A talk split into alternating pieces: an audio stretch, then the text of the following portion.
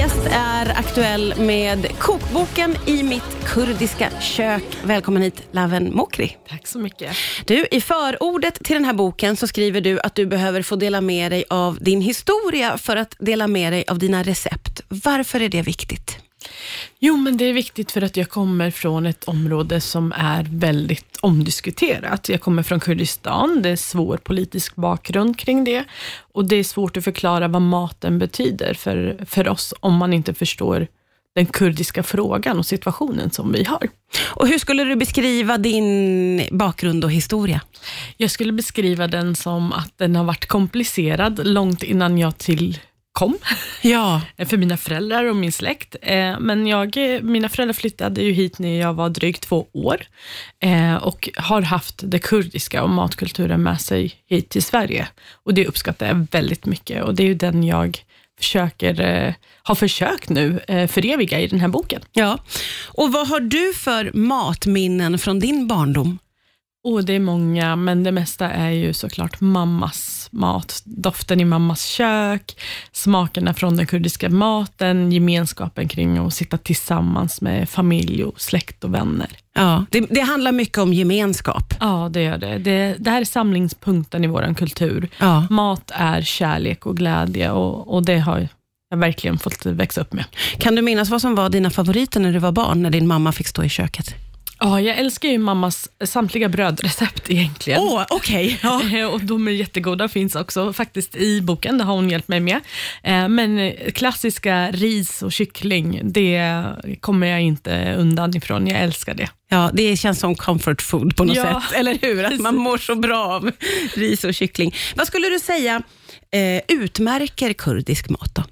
Jag skulle säga att det är mat, generellt i Mellanöstern så har vi mycket ris och grytor och liknande. Och Den kurdiska matkulturen är väldigt rik, så vi täcker in väldigt många områden med väldigt mycket olika smaker. Och Det tycker jag utmärker oss, eftersom vi är uppdelade i olika eh, regioner. Ja, ja, precis. Det finns naturligtvis varianter även på den kurdiska maten, men du har tagit från, från din mamma och din släkt, så att säga? Eh, ja, men även försökt få med de andra delarna, så att eh, tagit in det mesta tror jag. Ja, och vad är det för, vilka kryddor skulle du säga dominerar? Eh, ja, vi har kanel, vi har gurkmeja, vi har saffran, vi har eh, spiskummin och paprika. Ja. Vi ska fortsätta prata om den kurdiska maten alldeles strax här på Rix FM. Rix FM. Rix FM. Ja, det är Laven Mokri som är min gäst idag. Aktuell med kokboken I mitt kurdiska kök. Eh, vi har pratat lite grann om vad som utmärker kurdisk mat och du nämnde grytor. När jag läser din bok så förstår jag det som att det kurdiska köket har fler grytor än nästan alla kök i hela världen. Hur, kommer det sig? Så skulle det kunna vara. Nej, men jag tror att grytan är, som du sa tidigare, lite comfort food. Ja. Eh, och också lite roligt är att många av våra grytor tillbaks i tiden från början var veganska. Vi använder ju inte mycket mejeriprodukter i våra kök, utan det blir ju automatiskt veganskt om du tar bort köttet. Ja.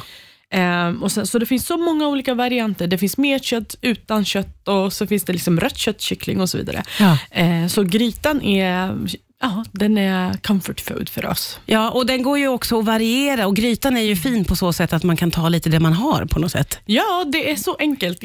Många blir alltid rädda, så ah, det är så svårt med grytan. Nej, det är bara att slänga in alltihopa så sköter det sig själv nästan, så det är jättekul.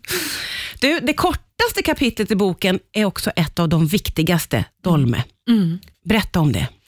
Nej, men dolme är våran, eh, vad ska man säga, det är vår högtidsmat, det är vår kärleksmat, det är vår festmat, det är vårt plockmat och det är allt däremellan. Eh, det finns eh, lika många recept på dolma skulle jag säga som att det finns kurdiska hem. Alla ja. gör sin egen lilla nisch. Oh. Eh, men grunden är detsamma. Det är vinblad och ris och, och sen olika smaksättningar. och Det är ju det som jag har väldigt mycket med min mamma till exempel minns tillbaks på att hon gjorde eh, och som jag nu idag gör med min son som han älskar. Ja, vad är din specialitet på dolma? Eh, jag skulle säga att det, det receptet jag har delat är ett av mina favoriter faktiskt. Ja, det är generöst att dela med sig. Försökte hålla hemligt, men nej, nu ska man, nu ska man ge bort det också. Ja, just det, familjehemligheten. Ja. Eh, det, är, det slår mig ofta när jag bläddrar i kokböcker och även när jag bläddrar i din, att det finns eh, vissa rätter som förekommer över hela jordklotet, men så är det varianter. För i den här boken finns det ju också pizza och det finns piroger. Och, vad är det som gör eh, de kurdiska smakerna i de här klassiska rätterna, skulle du säga? Jag skulle säga att om vi tar piroger till exempel, då har ju vi väldigt mycket med eh, lök. Alltså vi fyller dem med salladslök eller med, med gräslök eller annat. Ja. Eh, lite ovanligare med, med kanske kycklingfyllning och köttfyllning och sådär, eh, även om det finns. Ja. Eh, men att det är väldigt mycket örter i våra kurdiska piroger, det kommer vi inte ifrån. Nej, just det. Eh, och pizzan eh, skulle jag vilja säga är så enkel som att det finns bara en variant i princip och det är den som finns i boken. Det är köttfärspizza, det är den vanligaste. Ja, ja. Vi ska prata vidare alldeles strax här på Rix FM. Det handlar om det kurdiska köket. Riks FM. Det är Laven Mokri som är min gäst idag, aktuell med eh, boken I mitt kurdiska kök. Vilka skulle du säga är dina egna paradrätter som du gör där hemma? Oh, paradrätter. Jag skulle vilja säga eh, lammlägge. Ja, Det är något som jag ofta bjuder på och tycker om väldigt mycket och uppskattat hos dem jag bjuder på. ja. Eh, men även dolma är en sån rätt. Ehm, Pratar vi nu om lite festligare tillfällen när du bjuder hem folk tillfällen, och ja. så? Ja. Till vardags skulle jag vilja säga min eh, spaghetti och köttfärssås med kurdiska smaker. Den är väldigt uppskattad Och då blir man så nyfiken på ju vad, som är, vad är de kurdiska smakerna i köttfärssåsen? eh, men då är det att jag har i kanel, saffran och lite rosvatten. Ja, åh, det var något helt nytt ja. Ja. Men den är, binder ihop smakerna från saffranet och kanelen, så det blir supergott. Och sen så lite oklassiskt kurdiskt så river jag även över parmesanost. Ja, man får blanda super. lite. Ja. det är tillåtet att blanda lite hit och dit. Du, eh, vi har ju pratat om din barndom och din mamma som du är väldigt inspirerad av vad gäller matlagningen, vad jag förstår. Hon lagade utan recept. Ja. Hur har du lärt dig vad som ska vara i olika rätter? Ja, det vet du var ganska svårt. Hon, är, hon och alla andra kurdiska mammor tillbaka i tiden har kört på ögonmått och känsla. Det fanns inte nedskrivna recept. Inte alls? Inte alls. Eh, mycket för att vi är ett förtryckt folk. Man får inte skriva och prata och publicera saker på det kurdiska språket i hemlandet. Eh, men också för att det, det är det enda sättet för recepten att leva vidare. Det har varit liksom att stå och laga tillsammans. Eh, och nu eh, så gjorde inte jag och mamma det riktigt, att vi stod i köket och lagade tillsammans tills jag lärde mig, utan jag fick ringa många samtal och fråga, vad händer här? Hur gör jag här? Gå på din känsla var svaret. Oj, vad svårt. lite svår. För du har ju benat ner och skrivit ner recept i boken.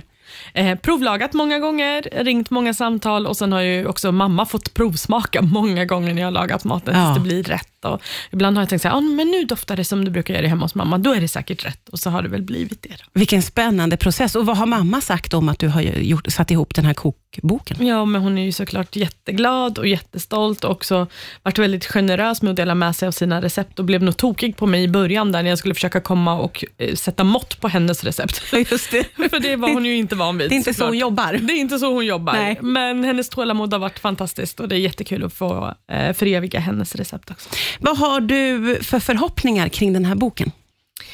Eh, jag är så glad att jag som eh, minoritetsgrupp, eh, även i Sverige men också i, i liksom hemlandet, eh, fått ge ut den här boken. Så jag hoppas och eh, tror att det här kan vara en viktig del. Jag vet det för min familj, men också för eh, svenska kurder som bor i Sverige och andra som är intresserade av det kurdiska köket.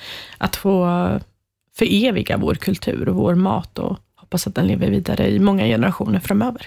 Ja, man blir jätteinspirerad och hungrig när man bläddrar i den. Det är en jättefin bok. I mitt kurdiska kök heter den. Tusen tack Laven Mokri för att du kom hit idag. Ja, men tack snälla.